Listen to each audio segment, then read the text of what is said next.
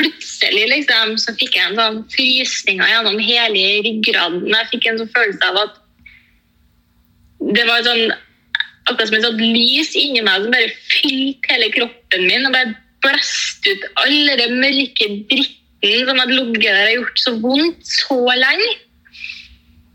Og Det høres jo sånn hallelujastemning ut, men det, det føltes ut som at liksom vinden bare blåste nytt liv i meg. Og ble fri for den, her, ja, for den angstfølelsen da, som har fulgt meg gjennom hele livet. Det var liksom den første plassen angsten ikke fulgte etter.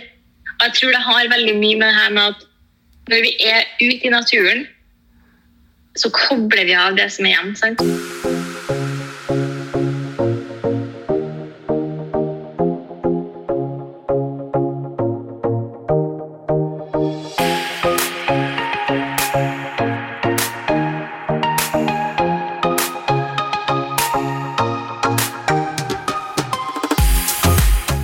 Episoden er det Une Cecilie Oksvold som er gjest. Hun deler åpent på sosiale medier hvordan naturen hjelper på hennes psykiske helse, og er en pådriver for at folk skal komme seg ut på tur, uavhengig av forutsetninger. I episoden får dere høre hennes reise, og i tillegg har vi en fin prat rundt psykisk helse og våre tanker rundt hvorfor så mange sliter i dag. Sosiale medier kan være et sted med mye inspirasjon, og der kommer jeg ofte i kontakt med gjestene til podkasten.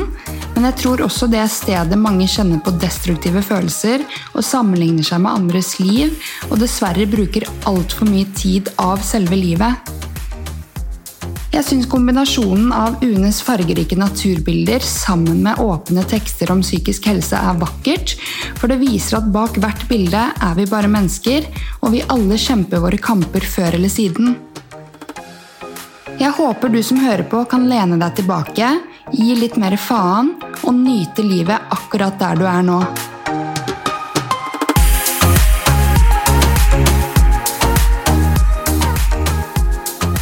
Jeg ble spurt på jobben for noen eh, uker siden om hvilke influensere jeg følger. Um, og jeg, jeg føler jo ikke at jeg følger noen typiske influensere, det vi ser på som influensere i dag. Men jeg viser profilen din. Og du, du er jo eh, Altså, de fleste er jo influensere, i hvert fall de som velger å ytre seg offentlig på sosiale medier og andre kanaler, da. Ehm, for da er jo de med på å påvirke andres holdninger og handlinger hos følgere og lesere. Så ja, da var du en av de profilene jeg viste. Så hyggelig, da. Ja, det er jo noe med det her med influenserbegrepet som Det er litt sånn love-hate-begrep. Det tror jeg veldig mange føler på. At eh, man vil på en måte em, Når vi har alle som er på sosiale medier og ytrer noe, er jo en influenser uansett om du har 10, 10 000 eller 100 000 følgere. på en måte. Det er jo på en måte til dem du, du treffer. Så vi skal jo alle være bevisst vår rolle der, tenker jeg. men så er det jo samtidig at det influensebegrepet har blitt så forbundet med masse negativt. Mm. Og det er jo det som er litt kjedelig med det. da. Eh, Derfor jeg blir litt sånn æ, influenser, på en måte. Men Ja. ja, nei da, det er jo et um, Det er absolutt et begrep man skal være veldig bevisst på. Eh, For det sier jo mye om hva du legger, eller hva som ligger i ordet, da. Ja, ja, og Eh, noen trekkes jo mye mot eh, de som legger ut mote og freshe klær, liksom. Men jeg er ikke helt der. Jeg blir veldig trukket mot de som deler eh, tanker og følelser og legger ut freshe naturbilder. Og, så der er jo, traff du meg veldig. Det er hyggelig. da. Nei, det, er, det er jo veldig forskjellig hva vi trekkes mot. sant? Og det er jo noe vi skal være litt bevisst på. Hva vi vil influenses av i hverdagen. på en måte. Vil vi se eh, stramme photoshoppa kropper i bikini, eller vil vi se litt mer andre vinkler av livet? på en måte? Og det er jo helt opp til hver enkelt. Ja. Um, men det må jeg være veldig bevisst på sjøl i feeden min. At jeg er litt sånn det her Innleggene her gjør meg ikke godt. De må jeg ta bort. På en måte. Ja, Og så av, kan det jo være av folk du følger. Ja.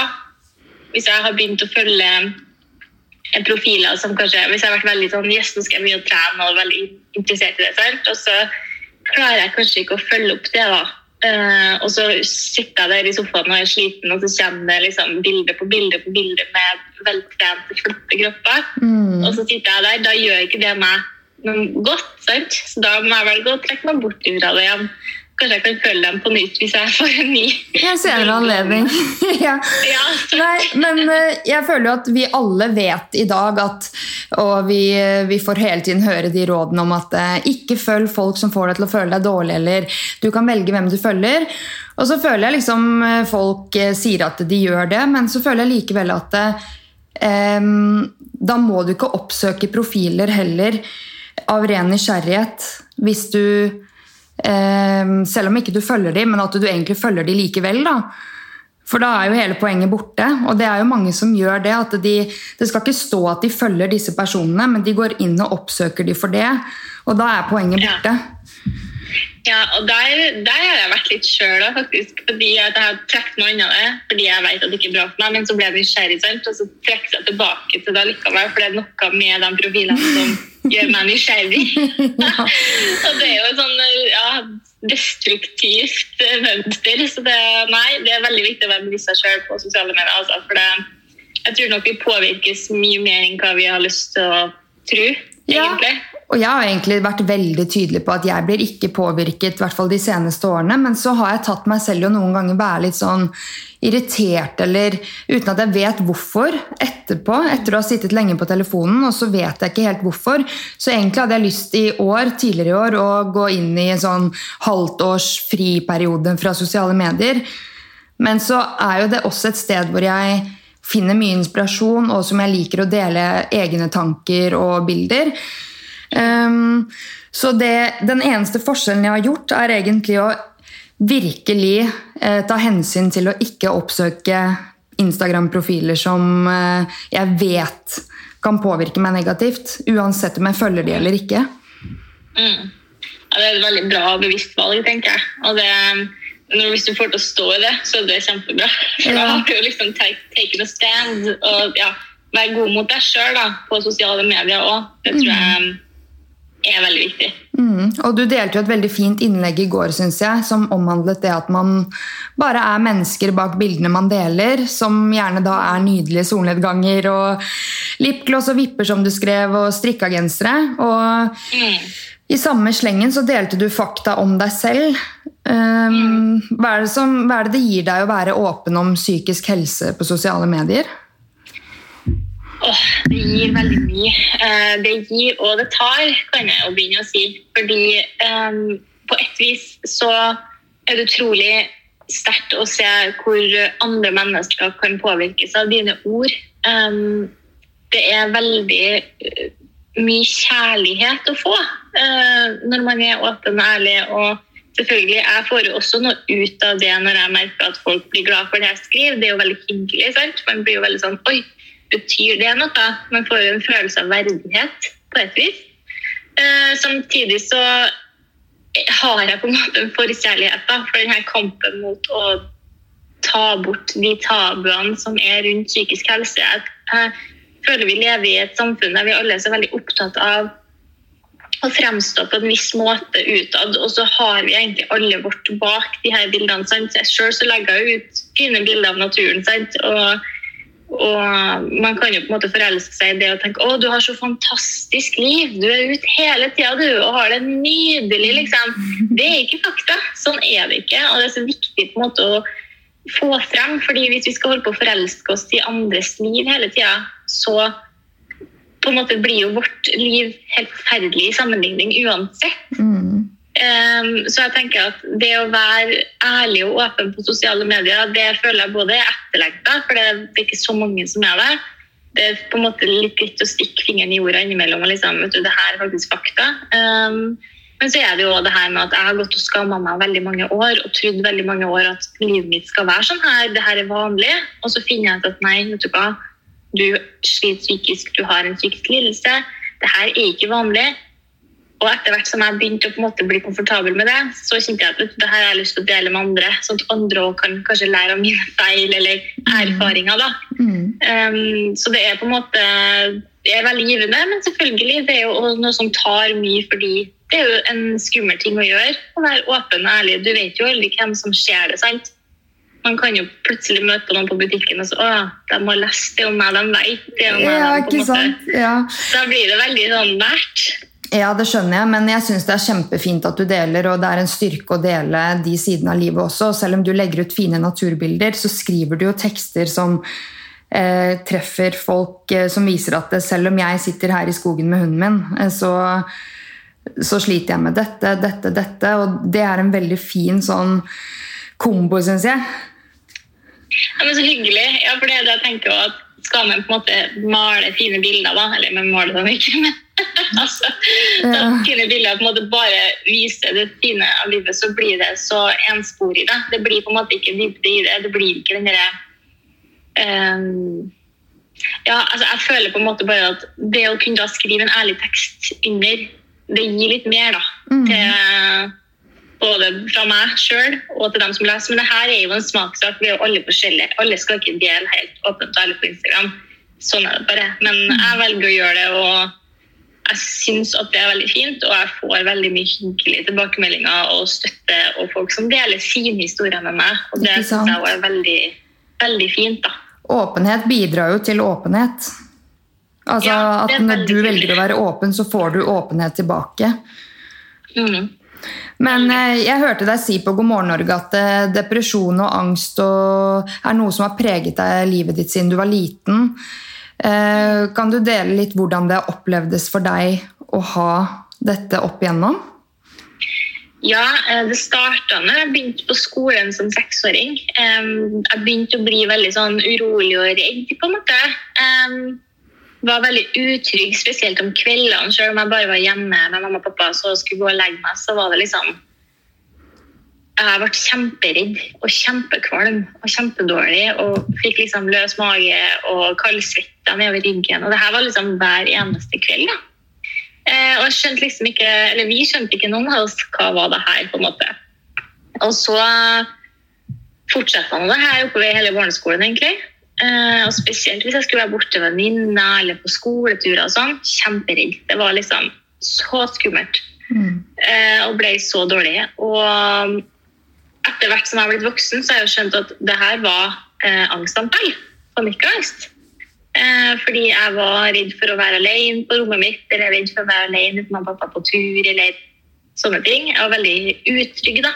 Eh, og igjen som ja, 14-15-åring så begynte jeg å utvikle litt nedstemthet og etter hvert også depresjon. Som på en måte man kan tenke at eh, Eller jeg tenker kanskje at det var en bedre ungdom, det var ungdom, da Mm. og føle seg nedstemt. Men eh, det gikk jo liksom ikke over, og det ble jo bare verre og verre. Så til et eh, punkt der jeg ble innlagt på DPS, det var frivillig, da, men allikevel, og gått til psykolog og masse sånn alternative behandlinger for å prøve liksom komme ja, i bukt da, med det her utfordringene jeg hadde. Um, så til slutt så fikk jeg um, diagnosen generalisert angstlidelse og tilbakevendende depresjon. tror jeg. Ja, Mm. Samme det, på en måte, men det var nå det som prega meg veldig. da. Mm. Um, og som sagt, trodde at livet skulle være sånn helt til kanskje jeg var 20 og skjønte at vet du, det her er faktisk ikke alle som har det sånn. Nei. Så det var liksom en sånn øyeåpner for meg. da, At liksom Ja. Enn at man har gått i 14 år og trodd at det her var vanlig. Ja, for da hadde de 14 årene bestått mest av tristhet og vonde følelser, vil du si det? Nei, altså det er jo, Livet går jo opp og ned, så det er jo ikke statisk bare fælt. Mm. Det har jo vært mange fine stunder og mange fine opplevelser, og har jo hatt det veldig fint òg. Men det har vært en sånn grunnfølelse kanskje, eh, av å være både veldig sånn nervøs, overtenker, fort nedstemt, fort følelse av å være verdiløs og veldig sånn kritisk til meg sjøl. Og den angsten da, som har på en måte vært veldig fremtredende. Da. Og det er jo kanskje det depresjonen har kommet etter hvert òg, fordi det er jo typisk. sant? Angst og depresjon Mm. henger litt sammen. Mm. Em, så det var på en måte en sånn kjempesjokk for meg når jeg forsto at når jeg var seks år, så var det panikkangst. Og når Mm. jeg var tenåring, som jeg tenkte bare var hormoner, så var det kanskje depresjon. på en måte. Ja. Um, og jeg ble jo født tidlig på 90-tallet. Jeg husker mamma sa til meg at hun tok meg med til legen fordi jeg, hadde, jeg var så mye kvalm og redd. Og da tok de prøver, og de tok uh, tester og tjoei sånn fysisk, blod og urin og sånn. Det ikke noe feil med ungen, det var noe ikke problem det. Mm. Og ingen som tenkte sånn hm, Kan det være noe psykisk? Ja. Så det er liksom, jeg er veldig glad da, for at i dag, når jeg snakker med foreldre, jeg snakker med folk som sliter med det samme, som har barn som sliter, så går de til systemet og får hjelp. De får hjelp av psykologer, de får hjelp av andre som ser det mentale bak, da, og ikke bare det fysiske. Mm. Så der har vi eh, virkelig kommet langt, og det er jeg veldig glad for. Og det er derfor jeg deler også, sant? for at det her er faktisk ikke vanlig. Det her må vi kunne gjøre noe med. Mm. For jeg tror det er veldig mange som går med det her inni seg over lang tid. Og vi vet jo at selvmordsraten i Norge er ganske høy. Ikke minst det siste året med korona. Så nå skal ikke jeg si at mitt arbeid er forebyggende for det, men hvis jeg bare kan på en måte bidra bitte, bitte, bitte litt til at folk faktisk prater med hverandre og innser at vet du hva, det her må jeg ta grep i med, så er liksom, da er liksom alt verdt det. Um, men um, nei, det er ja, Jeg tror veldig mange går og har det sånn og tror at det skal være sånn. Og det skal det faktisk ikke. Nei, ikke sant. Og angående det med selvmord, så er det jo Jeg leste et sted at det er flere som har tatt livet sitt i korona, enn som faktisk har dødd av korona i Norge. Ja. Og det, det, jeg så den egentlig komme, men det er så eh, Når man får liksom eh, Når det står svart på hvitt at eh, sånn er det, så det er så forferdelig. Ja, det er helt utrolig vondt. Og det verste av alt er at det er veldig mange det er veldig mange unge også, sant? Um, jeg kjenner noen som kjenner noen som liksom har hatt tre tilfeller av unge mennesker, kanskje rundt 20, under 20 år. Mm. Og da kjenner jeg vet du hva, nå, nå må vi ta grep, på en måte. Og ikke bare under korona, men generelt sett. Det blir jo fokusert så mye på, på det fysiske, og at vi skal fikse med vaksiner, vi skal fikse med jobb og alt sånt her. men enn det psykososiale, enn det mentale, liksom, skal vi ikke ta grep om det. Det er jo det som på en måte får oss til å, å fungere. Mm, det er akkurat det. Og jeg ville faktisk høre med deg eh, hva dine tanker er rundt eh, hvorfor så mange sliter i dag. Oi, ja, jeg har jo en del tanker om det. Um, og jeg tror jo at blant annet eh, Jeg tror det er flere årsaker. Men jeg tror annet sosiale medier at man vokser opp med det i dag. At du har noen som hele tida kan eh, kommentere med noe om deg, eh, følge med, snap, map. De er der, jeg er her, jeg ble ikke invitert. Det er jo sånne problemstillinger som vi ikke hadde når vi vokste opp. Nei, det er sant. Hvis vi ble holdt utenfor, så fikk vi jo ikke nødvendigvis beskjed om det på snap, map, på en måte. Det er fader meg sant, ja. Ja, og, og det her med nettmobbing, sant? det hadde ikke vi noe problemer med. Jeg tror vi hadde MSN, eh, og det var liksom, ja, det var noe det også, men absolutt ikke på samme måte. Alle går rundt med en smarttelefon i handa og kobler på teknologien og ikke på livet sitt. Mm. Um, jeg tror at det er en stor årsak til at eh, det er mange som sliter i dag, i tillegg til at vi har et sånt prestasjonssamfunn da, som gjør at på en måte jeg tror veldig mye press på, på barn og unge om å føle at Eller om å nå opp til noen krav som er satt på et vis. Eller de tror er satt. Jeg er ikke helt sikker på hvor det kommer fra. Mm. Men jeg har jo følt på det. Det er flink pike-syndromet. sant? Folk sliter seg jo ut for å få bra karakterer på videregående. For de tror at hvis de ikke får det, så ja, da kommer jeg inn på studiet. Da blir ikke livet mitt sånn som jeg tenkte. Mm. Altså, Livet blir aldri sånn som vi tenker. Nei, ikke sant? Det har jeg lært. Og jeg kjenner meg igjen For det første så eh, var det en undersøkelse som viste at en gruppe ungdommer som eh, før de sjekket sosiale medier, så følte de seg på en sånn skala ja, rundt syv. Altså bra nok, liksom. Eh, og ti minutter på sosiale medier eh, Altså ti minutter etter de hadde sjekket sosiale medier Nei, de var på sosiale medier i ti minutter, og så etter det så følte de seg på en tre-fire. ja. Eh, og det var bare ti minutter på. ja. Um, og det der med press også, og forventninger Jeg vet heller ikke helt hvor det kommer fra, men jeg har også kjent på det selv. Og eh, jeg har faktisk hatt lyst til å prøve å samle sammen mange gamle mennesker fra 70 pluss og oppover for å høre med de. Eh, både folk som ligger på dødsleie, men også 70-åringer som er pensjonert og sånn. Bare sånn eh, Hva er egentlig meningen med livet? Eh, hva har gjort dere lykkelige? For de har lyst til å lære av de eldste. For de er redd for at jeg skal havne i 80-årene selv og så se tilbake på at jeg har bekymret meg så mye over ting som ikke var nødvendig. Ja.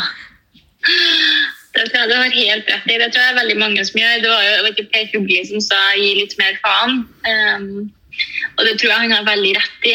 Uh, at vi må lære oss å gi litt mer faen. Men det er ikke lett å gi faen når du har et fantastisk liv som scroller nedover den skjermen din hele tida. Mm. Um, du får input overalt. Vi får se på VG, det er katastrofe i andre plasser i verden. altså hvordan folk sulter. Altså, du blir så opplyst av hvor jævlig verden kan være da. Mm. hele tida. Eller hvor jævlig du er i forhold til bikini fitness models på Instagram. Eller vennene dine som eh, er ute og spiser middag sammen, og du er syk og får ikke vært med. Altså, mm. Masse forskjellige som på en måte Du blir så opplyst hele tida om andre ting som påvirker deg òg. Mm. Du har ikke bare deg sjøl.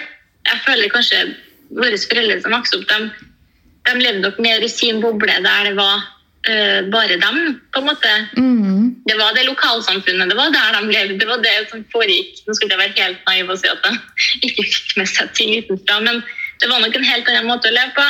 Mm. Um, og de hadde nok problemer, dem òg, men jeg tror nok at ting har eskalert veldig i dagens samfunn i forhold til at vi er så opplyst og vi er så uh, ja, får andres liv så tett på da, at vi ser mørkt på vårt eget. Oh, der um, sier du noe så sykt. fordi når jeg skrev til deg og spurte om du ville gjeste podkasten, mm. um, så var jo jeg litt i en sånn mørk dal. Uh, og jeg ville høre med deg hva du tror trigger angsten og depresjonen hos deg nå i voksen alder. Fordi jeg vet at den tiden jeg skrev til deg og spurte om du ville gjeste podkasten, så handlet dette mye om selvfølgelig ting på privaten, men veldig mye input fra hvordan ting er der ute i verden. Jeg sitter på VG og sjekker det ti ganger om dagen uh, uten å tenke Altså, jeg sjekker VG mer enn jeg sjekker Instagram, faktisk. Um, jeg vet ikke hvorfor jeg gjør det, men det veldig, jeg går alltid inn på VG flere ganger om dagen. Og uh, det å få de inntrykkene fra livene til andre og verden rundt. Jeg synes det, det, kan virkelig suge livsgnisten ut av meg. Så jeg bare lurer på om du som har angst og depresjon, eh, om du trigges av sånne ting, eller hva som trigger deg, da? Ja, jeg tror nok at den angsten trigges nok veldig av nyhetssaker på den måten. Jeg har jo prøvd å unngå å se på nyheter og se på VG, men det er så rart, for da får du som kommentarer om at ja, men du må følge med i verden. Det er jo positivt å sjekke nettaviser. Det er positivt å følge med på nyhetene. Um, men for meg så er det ikke så positivt, fordi jeg, jeg, veldig, jeg lever meg veldig inn i andres verden og virkelighet. Um, og kan føle veldig mye på en sånn eksistensiell redsel og angst for hvordan skal verden overleve. Og da koronaen kom, så liksom den satt jo en stykke hos alle, det er jeg helt sikker på. Men eh, nei, man blir jo ekstremt redd. Sant? Så sånne ting det påvirker veldig angsten min. Eh, I tillegg til mitt eget hode. da, Jeg er veldig redd for fremtida. Jeg er veldig redd for åh, nå blir det ikke sånn som jeg har tenkt. Eh, og da går det til helvete, på en måte. Mm. Der er jeg veldig, Og da kan jeg gå i en mørk eh, ja, bli veldig en mørk periode, da, fordi eh, ja, hodet mitt bare spinner over at liksom OK, nå er jeg 29 år, ja. Jeg fikk akkurat eh, en ME-diagnose fordi ja, enten så har jeg slitt meg ut sjøl, eller så har jeg hatt en virusinfeksjon som jeg ikke vet om, eller et eller annet. Eh, OK, ja, 29 år, ja. Jeg er barnløs, jeg har ingen fast jobb. Jeg skal liksom, nå skulle liksom livet starte, sant? jeg er nyutdanna. Og da begynner de tankene å gå. Sant? Så det har jo litt med livsendringer eh, òg, selvfølgelig. I hvert fall i forhold til depresjon. At liksom man føler at man er på feil sted i livet, eller at man føler at ting ikke har vært som det skulle, eller kanskje har man et samlivsbrudd, eller kanskje er det eh, Nei, jobben permitterte meg, eller altså sånne ting. Mm. Det trigger jo selvfølgelig alle depresjonsskader, vil jeg tro. da. Eh, heldigvis så har jeg på en måte jobba mye med den depresjonsbiten, så jeg er ikke så mye langvarig deprimert. Noe mer. Jeg kan ha tunge perioder, men det er mest angsten som trigger meg, da. Eh, men eh, absolutt sånne ting som skjer i livet, at livet skjer og du ikke er forberedt på det, det, det takler jeg veldig dårlig. Selv om vi burde jo egentlig alle være, alle være forberedt på at livet blir som vi har tenkt, fordi det er jo i bevegelse. Vi er jo i en symbiose med veldig mange andre faktorer som vi ikke kontrollerer i det hele tatt. Selv om jeg hadde en plan om at ja, ja, innen er 30, så skal jeg være gift og full jobb og ha barn og la, la, la. Nei, vet du hva, det ble ikke sånn. Kanskje blir det bedre. Sant? Du... Det å lære seg å leve liksom her og nå, da. ja, ikke sant. Men har du klart å endre synet på det, da? Fordi jeg tenker eh, jeg også hadde jo en forestilling om ja, dette skjer når jeg er 25 til 30, dette skjer fra 30 til 40. Men som du sier, man vet aldri hvor man er. og jeg tenker det er, altså Du ble jo ferdig utdanna barnehagelærer, så jeg, i fjor. Ja. Ja, nå i desember, faktisk. Ja, og det er sånn...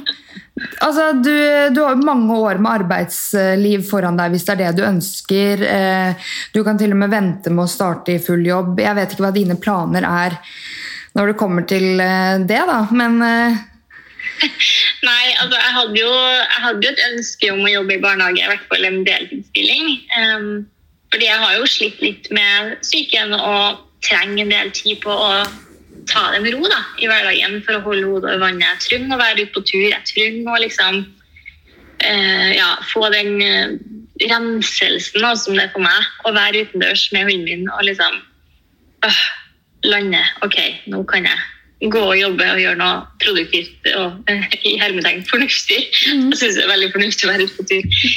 Um, men uh, sånn som det er nå, da, så har ikke jeg noen framtidstanke om det, fordi jeg vet ikke hvor lenge jeg kommer til å være syk med den ME-diagnosen. Jeg på en måte har Eller jeg prøver å akseptere at vet du hva, nå ble det ikke ting som jeg hadde tenkt. Jeg er nødt til å stoppe opp, ta meg tid. Um, tenke at vet du hva, du er bare 29 år, det her går bra. Du har et langt liv foran deg. Ting skjer. Um, og kanskje skjer det andre ting som er spennende, som gjør at nei, vet du hva, jeg ble ikke jobbe i barnehage fordi jeg fikk jobbe med det her i stedet, f.eks. Um, og jeg jobber jo med sosiale medier. Det er jo på en måte der jeg får inntekta mi nå. Ja. Um, og det er jo en jobb som jeg kan styre veldig sjøl. Uh, eh, og en jobb som jeg ikke trenger å være på fra åtte til fire. For der, det funker ikke uh, akkurat nå. Så kanskje, altså jeg prøver på en måte heller snu om å ha et åpent sinn om at ok, det ble ikke som jeg tenkte. Og tro meg, jeg lå på sofaen og skrekket over det ganske mange timer.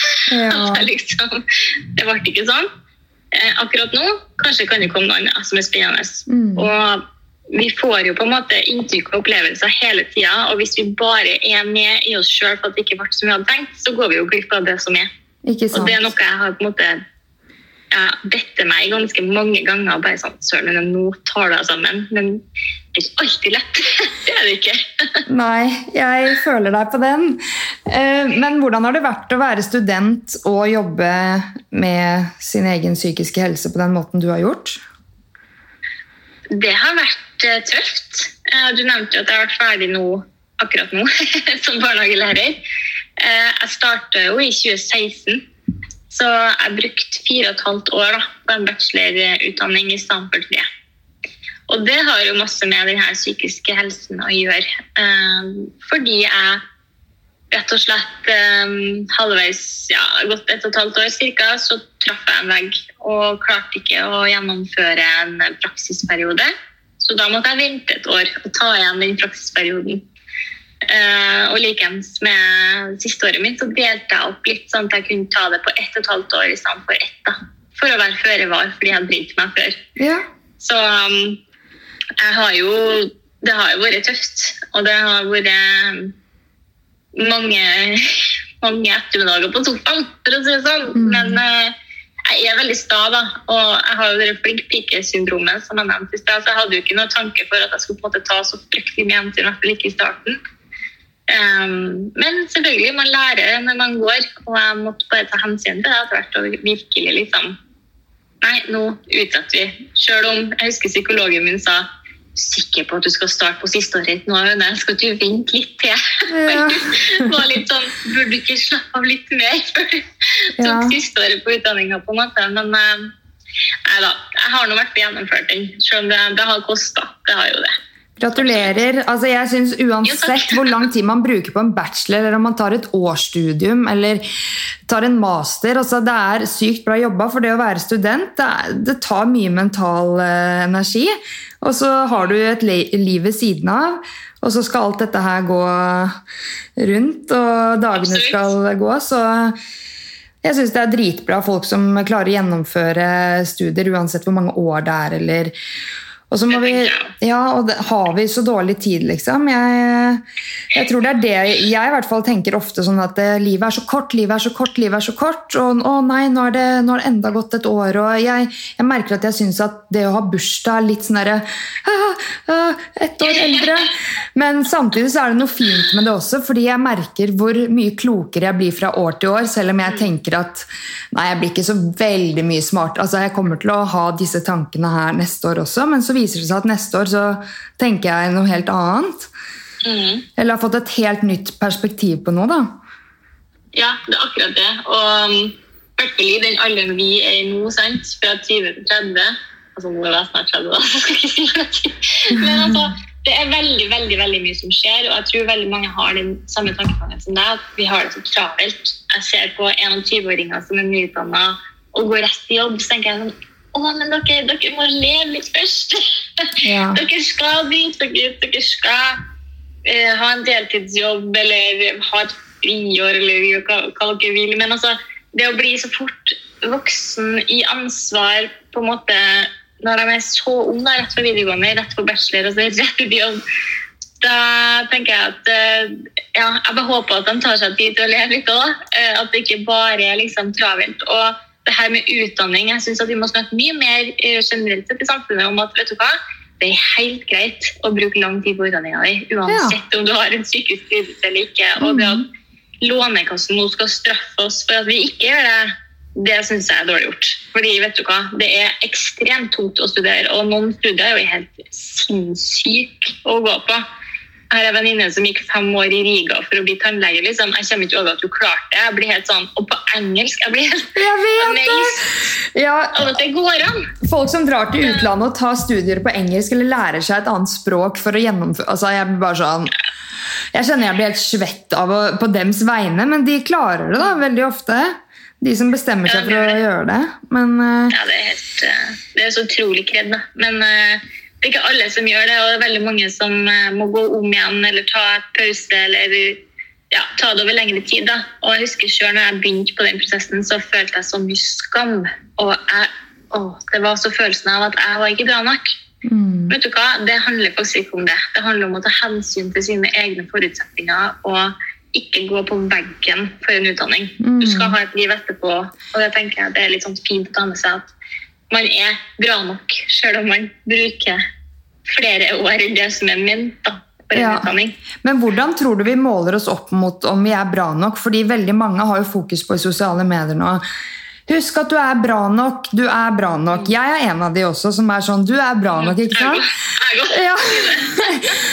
Og så er det jo perioder hvor man ikke føler seg bra nok selv, men faktisk så bra, Det å være bra nok føler jeg handler mye om selvfølelse.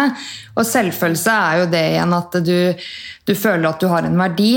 Og jeg har faktisk kommet dit at jeg vet at jeg har en verdi, uavhengig av mine prestasjoner, som igjen da handler om selvtillit. Er du enig i den? At, eh, at du vet at du har en, egen, altså en grunnleggende verdi? Altså det, det som er litt morsomt, er at når jeg skriver de innleggene, så skriver jeg jo like mye, om ikke mest, til meg sjøl. Fordi ja. mm. jeg går og føler på en sånn følelse om at jeg er grunnleggende så er ikke bra nok. sant? Men det er jo som du sier, vi er født med en iboende verdi. Vi er like bra alle sammen. Sånn er det faktisk. Um, og det har ingenting med prestasjon å gjøre. Og det der jeg kludrer det til, sant? fordi jeg måler meg sjøl i prestasjon og ikke en grunnleggende verdi. Jeg er verdt å være elska, jeg er et bra menneske. Jeg har gode mennesker rundt meg som er glad i meg. Ja. Um, så der uh, må jeg helt ærlig innrømme at der har jeg en lang vei å gå. Fordi jeg måler meg sjøl bare med hva jeg presterer, og spesielt nå, når jeg har vært dårlig, og ser på at liksom alle rundt meg sant? får til så mye. Det gis ut bøker, det er liksom Men gjør de egentlig det? altså, jeg tror, jeg tror ikke på lenger. Jeg føler, som jeg litt skrev til deg på Instagram, at jeg har knekt koden når det kommer til å se gjennom sosiale medier. For jeg blir ikke på den måten sånn de får til så sinnssykt mye mer enn meg, for jeg vet at alle kjemper sine kamper, uansett hvor flatterende bilder på rekke og rad de legger ut uten noe tekster til, men som bare er sånn 'Happy Sunday!' Eh, og det er, herregud, jeg syns det er helt altså, Man skal jo ha et bra liv og få lov å være happy og fornøyd, og, Ja. men det å faktisk tro at alle andre får til så mye, ah, det er så skummelt. For jeg, jeg tror virkelig at alle kjemper sine kamper, enten det er innvendig, eller om det er med parforholdet, eller om det er med svigerfamilien, eller om det er eh, økonomisk. Liksom et eller annet. Da. Mm. Ja, du har helt rett i det. Og det men det er det som er. Det er det som er, det er så lett å la seg lure sant? og gå i den fella. Og selv om jeg innerst inne vet at det her er feil å sammenligne seg med, så har jeg et mønster som gjør at jo, det gjør jeg. Så det, det er noe jeg jobber med til stadighet, og noen ganger så klarer jeg å overvinne det, og andre ganger så tar den stemmen i hodet over og overbeviser meg om at nei, du er ikke bra nok. sant? Mm. Så det er virkelig noe som Altså, jeg syns at det her vi snakker om nå hvis, Jeg tror det at hvis vi som barn og unge hadde lært mer om dette her, det med sjølbilde, sjølfølelse, det med å leve i et samfunn med flere mennesker, rett og slett, i stedet for kanskje bare å lært om gamle greske guder og tjoehei på skolen, jeg tror at det ville ha lagt et mye bedre grunnlag for å takle sånne her følelser. sant? Følelsen av å ikke være bra nok, følelsen av å på en måte feile eller ja, ikke nå opp som menneske. da. Jeg tror veldig mange går og føler på det. Mm. Og det tror jeg veldig mange tror de er alene om å føle. Og Ja. det er man jo ikke. Jeg tror veldig mange går og føler på akkurat det samme. Og det er veldig synd, fordi vi er faktisk bra nok som vi er, og det må jeg jo lære meg. Ja. Det er veldig viktig. Og også det å skille selvtillit fra selvfølelse. Eh, Det å alltid ha med seg at vet du hva, jeg, jeg har en grunnleggende verdi på denne jorda. Eh, Da kan man faktisk eh, stå litt stødigere i sånne tunge perioder. Selv om kanskje studiet går litt rumpe eller et eller annet annet går litt dårlig, så kan du liksom fortsatt Ok, men dette går bra fordi jeg er bra nok, fordi selvfølelsen er på plass. da. Så, Ikke sant? så tenker jeg på små, ja, jeg tenker på små barn som eh, eh, Barn er jo veldig sånn som ikke sant, Hvis de eh, kaster en ball i lufta, så er det sånn 'Så flink du er!' De får mye bekreftelse og de, sant, mestring. De føler seg flinke, og så blir de litt eldre, og så blir det karakterer på skolen, og så blir de plutselig målt etter 'Hvor flink er du egentlig?' Så det er jo ikke rart at eh, noen takler det litt dårligere enn andre. og liksom, ja, De er automatisk flinke og får gode karakterer, mens andre plutselig skal de bli målt på hvor flink er du i matte, egentlig? liksom, I prestasjonene sine. da, ja. Det er noe med det, altså. Og det som barnehagelærer også er det et felt som bare å, det, det treffer meg veldig. Og der jeg jobber, så er jeg veldig sånn bevisst på å si det her. Eller jobber, jeg jobber litt som vikar innimellom. Um, og der er vi veldig bevisst på å si hvor god du er. Du er god. Ikke du er flink, da, men du er Mm. god. ja. Fordi det handler ikke om prestasjon, det handler om deg Mm. som menneske. Og det er sånn om ungene tar det til seg, I don't know, men det er i hvert fall et lite grep da, for å prøve å liksom ikke si at å, du er så flink som får til å gjøre sånn og sånn og sånn. Nei, du er god. Eh, og det, men det du sier òg, det her med skolesystemet, og, altså det er et kapittel for deg sjøl, som jeg på en måte, av min utdanning, er veldig sånn ja, både bevisst og redd for. da. Fordi det er en veldig stor forskjell fra barn som går fra barnehage til skolen. Mm. Eh, både i forhold til voksentetthet, oppfølging. Um, vi skal klare oss mye mer sjøl bare vi er fem-seks år. Mm. Og det, det er jo helt sinnssykt, for en fem-seksåring er jo ikke moden nok til å klare seg sjøl. En lærer på 22 elever, eller hva det er for noe. Så det er helt sykt. Um, jeg har noen nevøer som går på Steinerskolen, og der praktiserer de ikke karakterer for tiendeklassen, faktisk. Ja. Så der har man jo en litt annen modell de fører, da, fordi de fokuserer på andre ting. Så, um, så, det er jo bra på et vis, men så kan det være en diskusjon det er jo hva er bra og hva er dårlig. Sant? Men det er i hvert fall et alternativ da, til mm. den her prestasjonsbaserte skolegangen. Da, eller ja, fokuset på prestasjon. Mm. Og det er jo kanskje derfor det er veldig mange tenåringer som syns det er vanskelig. Også, for plutselig skal man bli målt på alt. Sant? Ja. Er du en A-lagsspiller på fotballaget, eller sitter du alltid på benken? Mm. Plutselig begynner det å bli en seriøs sport. sant? Ja, ja. Der ikke alle får ikke være med å spille lenger, f.eks. Mm. Um, så det er mye som skjer når vi begynner å bli en 14-15 år. Både med oss personlig og hormoner, hormoner, og du begynner å utvikle deg som person. Hvem er jeg egentlig utenfor foreldrene mine? sant? Ja. Og det her med at vi skal bli målt på alt, og sosiale medier. og Nei, det er, det er, ikke enkelt. Og det er ikke rart heller at det er veldig mange unge som finner ja, at det er vanskelig å slite psykisk. Da. Ja, Det er eh, sant. Ass. Eh, og det å faktisk jobbe litt på veien i tenårene, at det er inne i skolesystemet. Hvem er jeg egentlig? Fordi plutselig så skal du ikke bo med foreldrene dine lenger. Plutselig så er du ferdig med den toppidretten eh, som alle assosierer deg med den håndballspilleren, f.eks. Og så er du ikke håndballspiller lenger, eller du har ikke mamma og pappa som egentlig veileder deg. Dette hadde vært lurt valg for deg. Dette bør du gjøre. Plutselig står du på egne ben, og da må man vite hvem er jeg, liksom.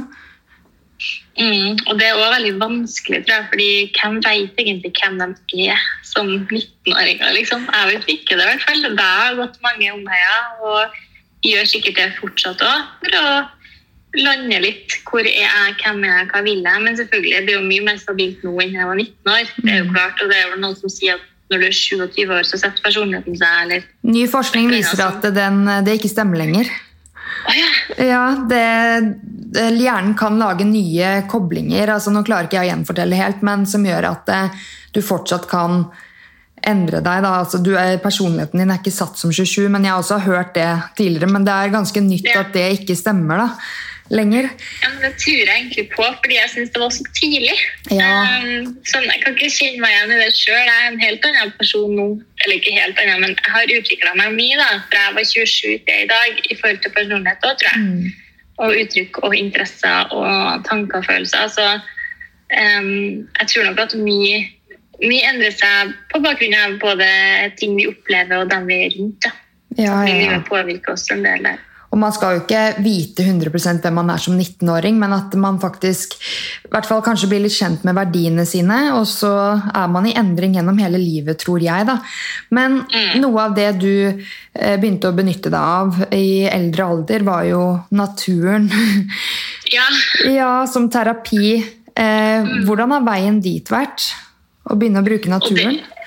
Ja, det var jo litt kronglete, fordi mm, jeg eh, som ung da, så likte jeg ikke å være ute i naturen i det hele tatt. Det var liksom forbundet med å være kald og dårlig på ski og blaut. Og, altså, jeg syns ikke det var noe artig i det hele tatt. Det var liksom ikke min greie.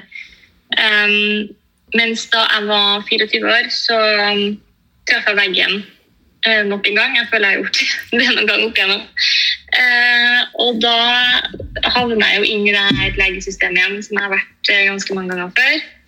Eh, og traff da en lege som var litt annerledes enn de andre jeg hadde vært borti. Han, eh, han eh, snakka liksom så billedlig, og han var så alternativ liksom på ja, hvordan livet på en måte beveger seg, og hvordan vi former seg livet. da. Han var veldig alternativ. Og så hadde jeg jo en Juster, hunden min, på det her tidspunktet. Og um, jeg var jo gikk tur med han og sånn til vanlig, men ikke oppi Marka. liksom. Marka visste jeg egentlig ikke hva i Trondheim, og da hadde jeg bodd der i fire-fem år. Yeah. Eh, og så han meg liksom en dag, da, eh, fordi jeg begynte å gå der eh, ukentlig, eh, som en, nesten som en sånn alternativ psykologtime, da, for å bli mm. fulgt opp. Og satt og skreik og skreik og skreik og skreik og skreik og, og grein og grein. og liksom, Det var um, supertungt. Uh, og en dag så ser han på meg og sier ja, men Une, hvorfor tar du ikke med deg hunden opp i marka og, og setter opp et telt og tenner et bål, da? Og jeg bare Herregud, hvilket forslag er det her? Det dummeste jeg har hørt, fordi jeg hater det. Liksom.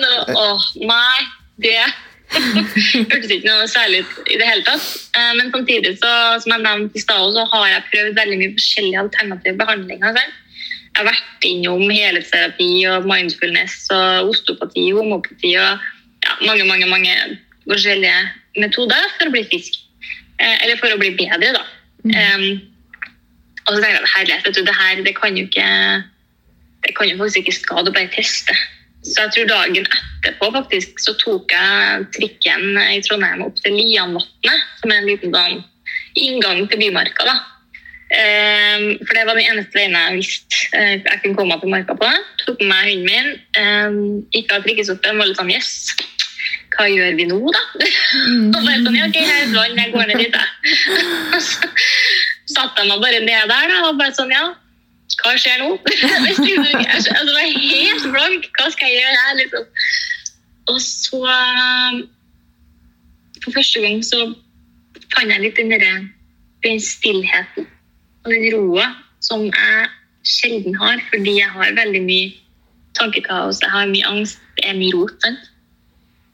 Satt der, og plutselig liksom, så fikk jeg en sånn frysninger gjennom hele ryggraden. Jeg fikk en sånn følelse av at det var sånn akkurat som et sånt lys inni meg som bare fylte hele kroppen min og bare blæste ut alle den mørke dritten som hadde ligget der og gjort så vondt så lenge. Og Det høres jo sånn hallelujastemning ut, men det, det føltes ut som at liksom vinden bare blåste nytt liv i meg. og jeg ble fri for den, her, ja, for den angstfølelsen da, som har fulgt meg gjennom hele livet. Det var liksom den første plassen angsten ikke fulgte etter. Og jeg tror det har veldig mye med det her med at når vi er ute i naturen, så kobler vi av det som er igjen. Sant? Vi kobler av det presset vi har på ok, det matlaging skal gjøres, det skal vaskes, det skal vaskes klær, det skal gjøres jobb, og det skal hentes unger, det skal tjoe hei. Sant? Ja, ja. Og den derre plutselig så liksom Oi! Jeg hørte fuglene som kvitra, og vinden som eh, rasla i trærne, og det fine, fine vannet som fortsatt var is på. Det her var i mai, men det var liksom Det var så fantastiske opplevelser som bare sånn Hva i alle dager er det som skjer? Det var liksom som å komme hjem da, for min del. Mm. Og det er så rart, for det har vært tilgjengelig for meg. Men jeg har sikkert ikke vært åpen for det, tror jeg, da. Før den episoden, og det var sånn Det gjorde meg helt Jeg ble helt satt ut. Det var, jeg vet ikke om Det er bare noen ganger tidligere jeg, eller noen ganger jeg har følt det sånn her, og det har vært liksom i naturen eller i meditasjon når jeg er helt til stede i meg sjøl. Og da var det så tydelig for meg at det her, det må jeg fortsette med. Det er ikke noe tvil om, liksom. Så etter den opplevelsen av den friheten av at liksom, tvangstrøya liksom bare åpna seg, og jeg kom meg fri og ble, eller ble ikke lov til å være meg sjøl uten den her mørke, hengende skyen over meg hele tida, så ble jeg bare helt frelst. Det her må jeg gjøre mer. Og der starta jo min reise som det jeg har kalt meg for friluftsfersking, fordi kunne jo absolutt ingenting. så og det, er bare, ja, det appellerte sånn til meg at vet du, det her må jeg liksom bare fortsette med. da. Og det gjorde jeg. ja, Og dette opplever du skikkelig terapeutisk? Ja, absolutt. Fordi det er på en måte, jeg blir frigjort da, fra det her vonde når jeg kommer ut. Jeg får en sånn Jeg får puste igjen, liksom. Og det, noen ganger så kan det faktisk bare være å gå en tur ut i parken ved siden av der jeg bor. Også, Hvis jeg er hjemme og angster, jeg har et angstanfall, kjempedårlig så pleier samboerne mine Nei, nå, nå går vi! Ja. Nå går vi opp! Nå har vi ha miljøskifte her! Ja. og det er bare liksom det å gå seg en tur ut av døra. Kom deg ut, liksom. Få miljøskifte, få nytt perspektiv, få vind i ansiktet, få frisk luft. Se grønne blader. Det er faktisk gjort et, eh, mange, mange, mange eh, forskningsprosjekter på dette. sant? Mm. Eh, og når jeg skrev bacheloren min i barnehagelærerstudiet, jeg gikk friluftsliv og natur, ja. så jeg har fordypning i det. Mm. Da kom jeg over en rapport om et studie som var gjort på to grupper mennesker. Der én gruppe gikk 90 minutter i bynært miljø, og én gruppe gikk 90 minutter i naturnært miljø. Det kunne være en park, altså. Ja. I marka, nødvendigvis. Og så tok de skanning av hjernene deres etterpå, og de så sykt tydelig forskjell. Oi. For dem som hadde gått i bynært miljø, de hadde masse aktivitet i den delen av hjernen som aktiviteres med eh, typisk uro, tankespinn, angst. Ah. Mens de som gikk i naturnært miljø, hadde veldig lite aktivitet i den delen av hjernen. Oi. Så det er jo bevist at kortisolnivået vårt, altså stressnivået vårt, eh, går ned når vi er ute. Sant? Det er jo masse, masse som tyder på at vi hører hjemme i naturen, og det tror jeg jo på. Og det sa jeg jo på det God morgen Norge-intervjuet òg, at jeg tror vi er urmennesker. At vi er jo ikke skapt for å sitte under tak mellom fire vegger og inn foran en skjerm. Mm -mm. Vi er jo skapt for å være ute i naturen. Det er ikke rart vi får psykisk uhelse av å leve sånn som vi lever i dag. Ikke sant?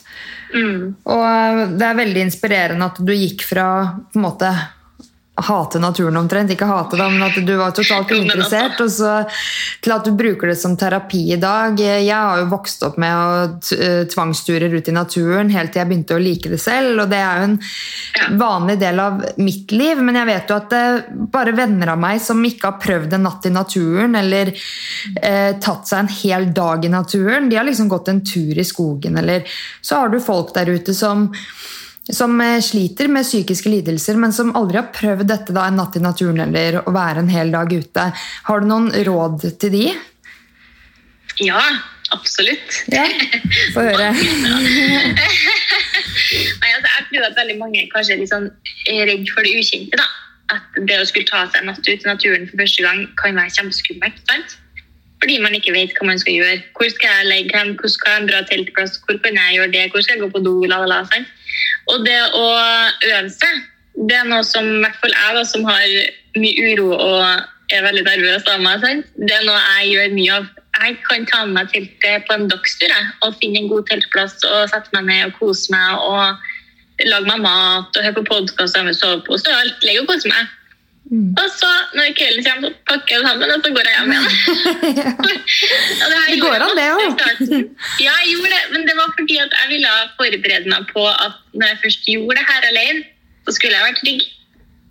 Så det å ta det stegvis, det tror jeg er veldig lurt. Mm. Eh, og hvis du er et menneske som sliter med psykisk helse og er nysgjerrig på det her med naturen, hvorfor ikke bare prøve å ta deg en tur i nærmarka og gå en, en liten runde? Jeg er helt sikker på at både i de store byene og utenfor så finnes det mange fine små stier og runder som man kan gå som ikke er noe utfordrende i det hele tatt, men bare ta deg tid til å legge fra deg telefonen, vær oppmerksom på det som skjer rundt deg, vær oppmerksom på pusten din. Si at den går ned i magen. Ikke prøv å kontrollere noe, men bare vær. Prøv å være til stede i naturen og kjenn har det noen effekt på meg. Mm. Eh, og hvis jeg ikke har det første gangen, kanskje har det den fjerde gangen. Mm. Eh, jeg tenker at det er det å gi det et forsøk, da. Å gi eh, Jeg tror at altså, det å være i naturen det er jo ikke bare positivt for den psykiske helsa, det er jo også positivt for den fysiske helsa. Det henger jo sammen, alt det her. Mm. Så Jeg altså, tror en veldig faktisk billig terapeut, terapeutform, da. Ikke sant? Og jeg tror oppriktig at eh, hvis man gir det nok sjanser, de som ikke er vant til natur Jeg tror alle vil like det hvis de gir det nok sjanser, da. Det tror jeg òg. Eh, og hvis at man legger det ut ifra sine forutsetninger, for selvfølgelig gaper man over for mye og får dårlige opplevelser, så vil det jo ikke være attraktivt. Sant? Så Derfor har jeg øvd meg veldig mye før jeg tok den turen med det bålet og hunden og teltet, som legen sa. Sant? Det tok litt tid Ja. før jeg gjorde det. Men da hadde jeg ligget ut med samboeren min i telt. Sant? Jeg hadde gått en masse turer i marka, blitt kjent med nærmarka som jeg ikke visste fantes engang. Ikke sant? Eh, så det liksom, jeg har tatt det veldig stegvis, da, sånn at det ikke blir en negativ opplevelse. Helgardert meg, rett og slett. Um, Ja.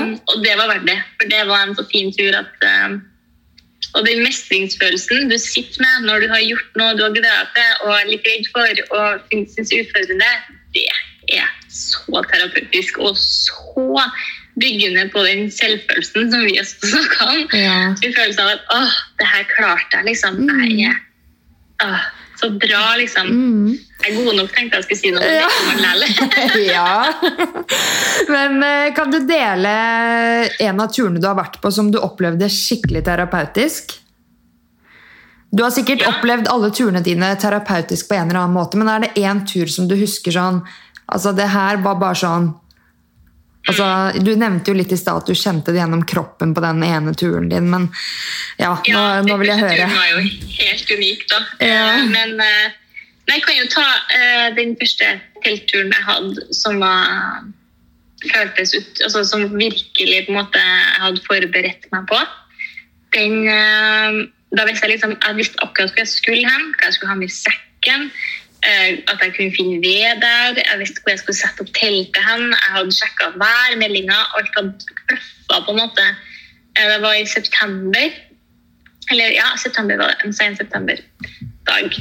Og gikk oppover marka på, i Bymarka og fant plassen min og alt sånt der. Fikk til å tenne bål. Det var liksom en superstor barriere som har liksom jeg knekt koden på det. Og fikk en nydelig solnedgang. Og når kvelden kom Jeg får frysninger. Så fikk jeg nordlys i Mymarka, liksom, i Trondheim. Og det var Jeg, bare, jeg kjenner det når jeg snakker om nå. Det, det er sånne frysninger gjennom hele kroppen, og du bare får sånn Herregud, det her er så innmari eh, tilrettelagt for at jeg skal ha en god opplevelse. Jeg føler virkelig at naturen var på min side. Mm. Og det var et stjerneskudd som kom, og det var sånn OK, what the fuck? Liksom, det her er så fantastisk. Og det var sånn, Jeg hørte jeg så på telefon eller hørte på noe podkast eller sånn. Det var bare liksom meg og naturen og hunden og bålet. Og den følelsen bare av å liksom være så Følelsen av å være så hjemme, da. Eh, på plass. Der skal du være. Her hører du til. Og den roa og den gleden over de naturopplevelsene, det liksom det samme Det, er det kan ikke sammenlignes med noe, nesten. Det er en så stor glede for meg. Og ja, det gjør så mye med kroppen min, både fysisk, fordi alt letter. Det blir ikke vondt lenger. Mm. Og psykisk i forhold til hodet, at du får en så sinnssykt stor mestringsopplevelse og nydelige naturopplevelser. Mm. Og den natta sov jeg godt hele natta Ja. uten å være redd. Og våkna dagen etterpå bare Dronninga av Bymarka, Ja. så liksom, den turen var bare helt uh, av den, uh, et av mine beste minner. Altså. Det er fantastisk. Det hørtes helt Um, amazing ut. Ja, og jeg, jeg, bruker, altså, jeg måler det jo som en sånn halleluja, men akkurat Ja, men det syns jeg var helt uh, Altså, de som har vært på noen sjuke turer, i, toppturer eller inne i skogen, de, jeg tror de kan relatere seg hvis de har opplevd Ja, ja, ja. Eh, noe skikkelig bra i naturen, eller en fin natt eller en fin dag, eller Altså, det finnes jo så mange fantastiske turer i Norge, og ikke minst fjellturer. sant?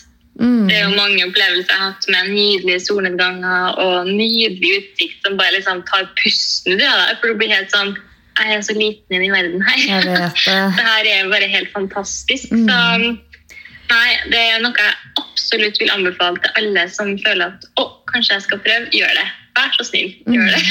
Send meg melding om hvordan det går. Ja, gjør det!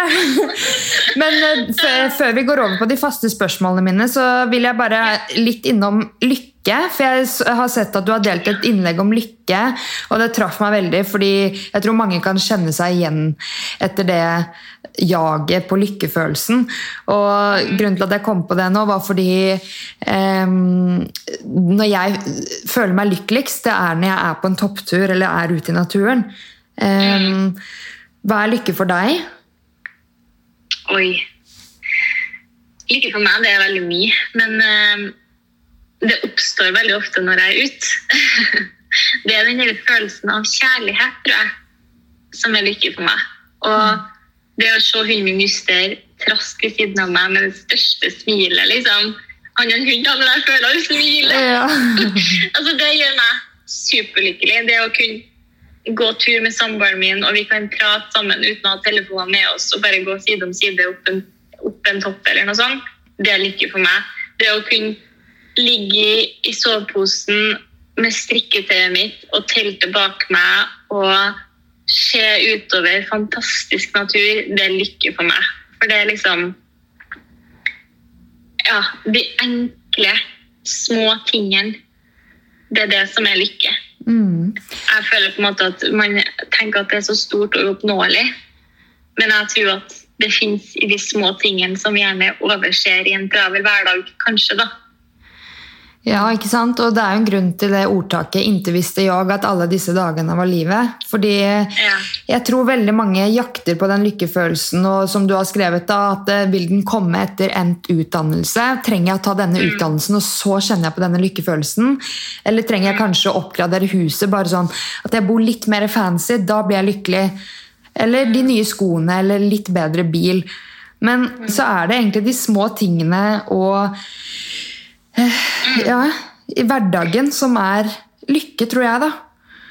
Jeg tror Det er, vi tror det er noe som heter du kan ikke kjøpe lykke. Altså ja, Jeg kan kjøpe meg nye sko og så ha lykkefølelsen i kanskje en time eller ti minutter eller noe sånt, men det er jo ikke en varig lykke. Det er jo ikke det, det, ikke det som betyr noe. Jeg tror det som betyr noe, er at vi føler oss til stede, på plass, hjem, velkommen, elska altså de her følelsene som du ikke kan kjøpe. da.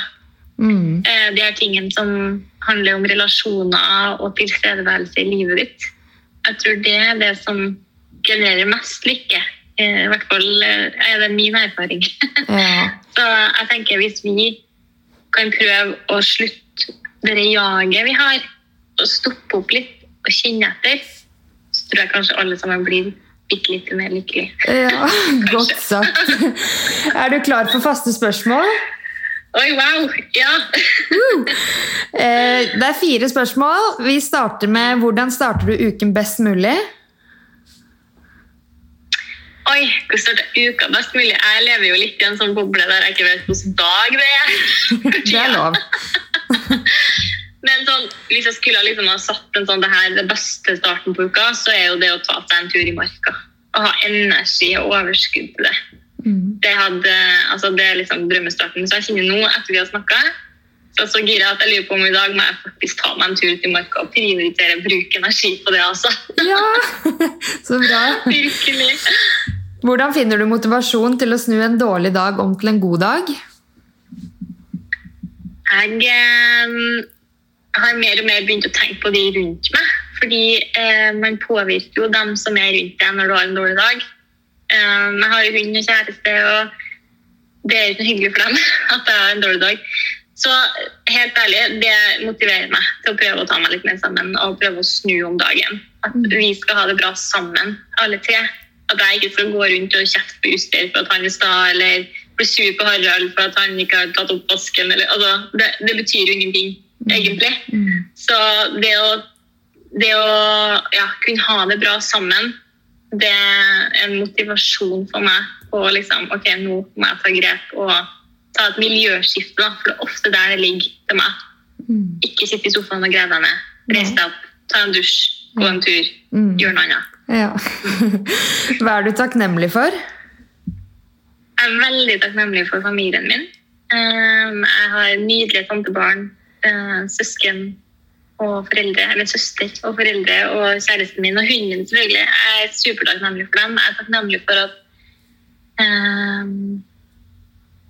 jeg har den muligheten til å jobbe med Instagram, f.eks. Mm. At det betyr noe. Det syns jeg er veldig hyggelig. Ja. Det er jeg veldig takknemlig for. Hva inspirerer deg? Naturen inspirerer meg veldig. Og jeg blir jo så klart influenset, jeg så jeg inspireres jo av mennesker som deler sine flotte ting på Instagram. Ja. Men det, i hvert fall hvis de treffer meg. Så ja, det inspirerer seg veldig. Tusen takk for en skikkelig fin episode. Veldig hyggelig at jeg fikk være med.